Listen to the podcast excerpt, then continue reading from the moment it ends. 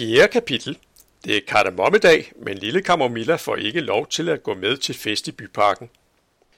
Så oprandt endelig dagen for den store sommerfest i Kardemommeby.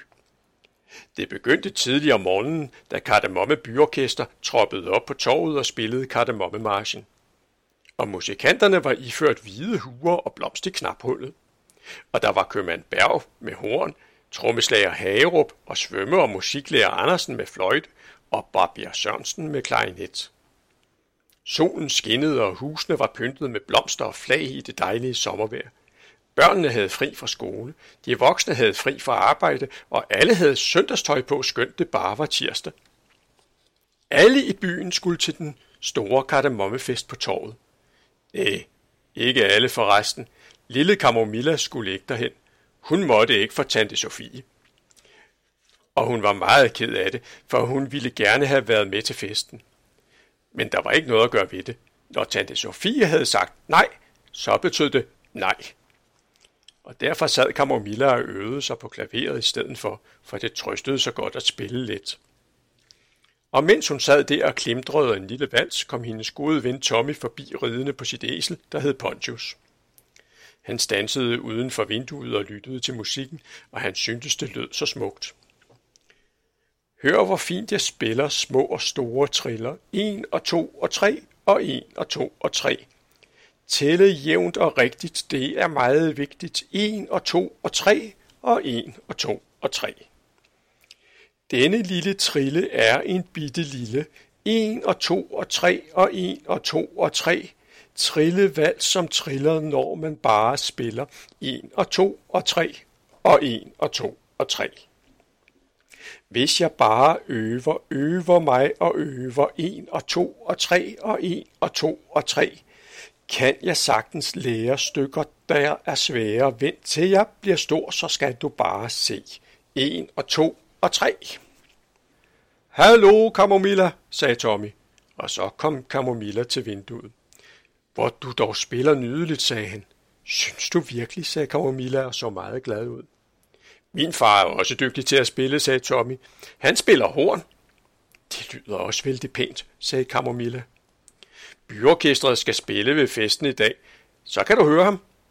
Nej, det kan jeg desværre ikke, sagde Kamomilla. Hvorfor ikke det? spurgte Tommy. Tante Sofie siger, at fest og halløj ikke er noget for småpiger.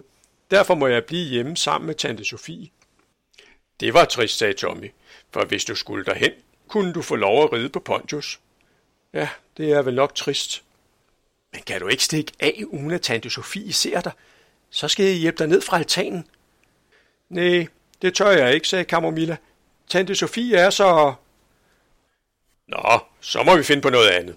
Og så spekulerede Tommy, så ørerne vippede. Men det var ikke let at finde udvej. Måske skulle jeg snakke med gamle Tobias, sagde han. Han ved sikkert råd. Tror du? sagde Camomilla. Ja, helt sikkert, sagde Tommy. Jeg kommer snart igen. Tommy satte sig på Pontius og red afsted til torvet. Og oppe i tårnet stod gamle Tobias med kikkerten og så hen i vejret. Hallo, Tobias, råbte Tommy. Gamle Tobias tog kikkerten fra øjet og så ned på Tommy og Pontius. Nå, er det dig, Tommy? Ja, sagde Tommy, der er noget, jeg må snakke med dig om. Lille Kamomilla må ikke gå med til festen for tante Sofie. Er det ikke sørgeligt? Jo, virkelig sørgeligt, sagde Tobias. Tante Sofie siger, at fest og sjov ikke er noget for småpiger. Ak ja, den tante Sofie. Hun er ikke særlig flink. Men hør nu her, Tommy. Vi må se, om vi ikke kan hjælpe lille Kamomilla. Det er netop sagen, sagde Tommy. Tobias tænkte sig om et øjeblik. Jeg tror, jeg har det, sagde han.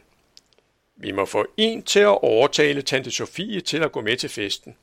For hvis tante Sofie går med, så kan lille Camomilla ikke sidde alene hjemme, og så må tante Sofie tage hende med. Den er mægtig, sagde Tommy. Både mægtig og rigtig, sagde Tobias, men vanskelig. For hvem tror du vel tør invitere tante Sofie? Det er nok ikke mange, mente Tommy. Nej, det er det ikke, sagde Tobias. Det gælder om at finde den rette person.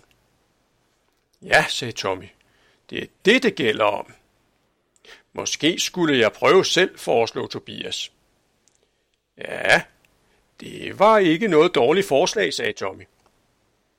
Et øjeblik, så kommer jeg, sagde Tobias. Jeg skal lige smukke se os lidt og have en hat på. Og nogle minutter senere gik Tobias og Pontius og Tommy til tante Sofies hus. Det er måske bedst, hvis du og æslet går lidt afsides og venter, sagde Tobias. Ja, sagde Tommy. Det er nok klogest, hvis vi trækker os lidt i baggrunden. Og så bankede Tobias forsigtigt på tante Sofies dør. Hvem er det? spurgte en stemme indefra. Det er som end bare mig, frøken Sofie, sagde Tobias. Tante Sofie lukkede op. Nå, er det dem, sagde hun. Ja, det er mig, sagde Tobias.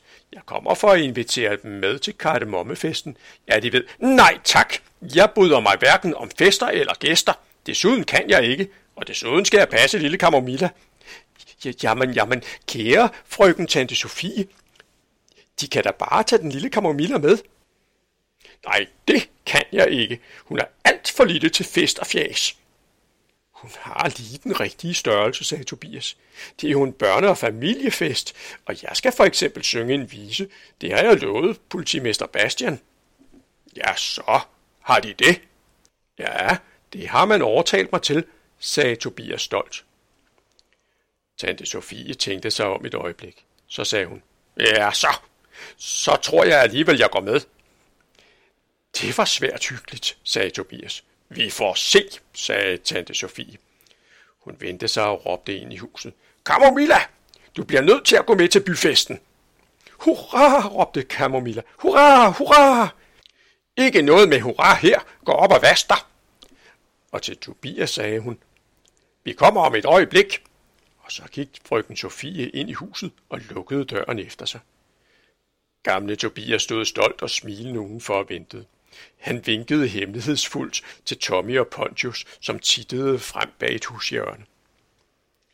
Et kvarter senere kom tante Sofia og lille Camomilla ud, pyntede og fine. Goddag, lille Camomilla, sagde Tobias. Goddag, herr Tobias, sagde Camomilla.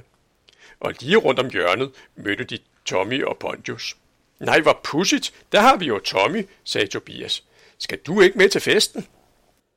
Jeg var netop på vej derhen, svarede Tommy, men så kan vi jo følge ad, Tobias. Ikke sandt, frøken Sofie? For mig ingen alarm, svarede Sofie. Hvis Camomilla har lyst, så må hun gerne ride på Pontius, sagde Tommy.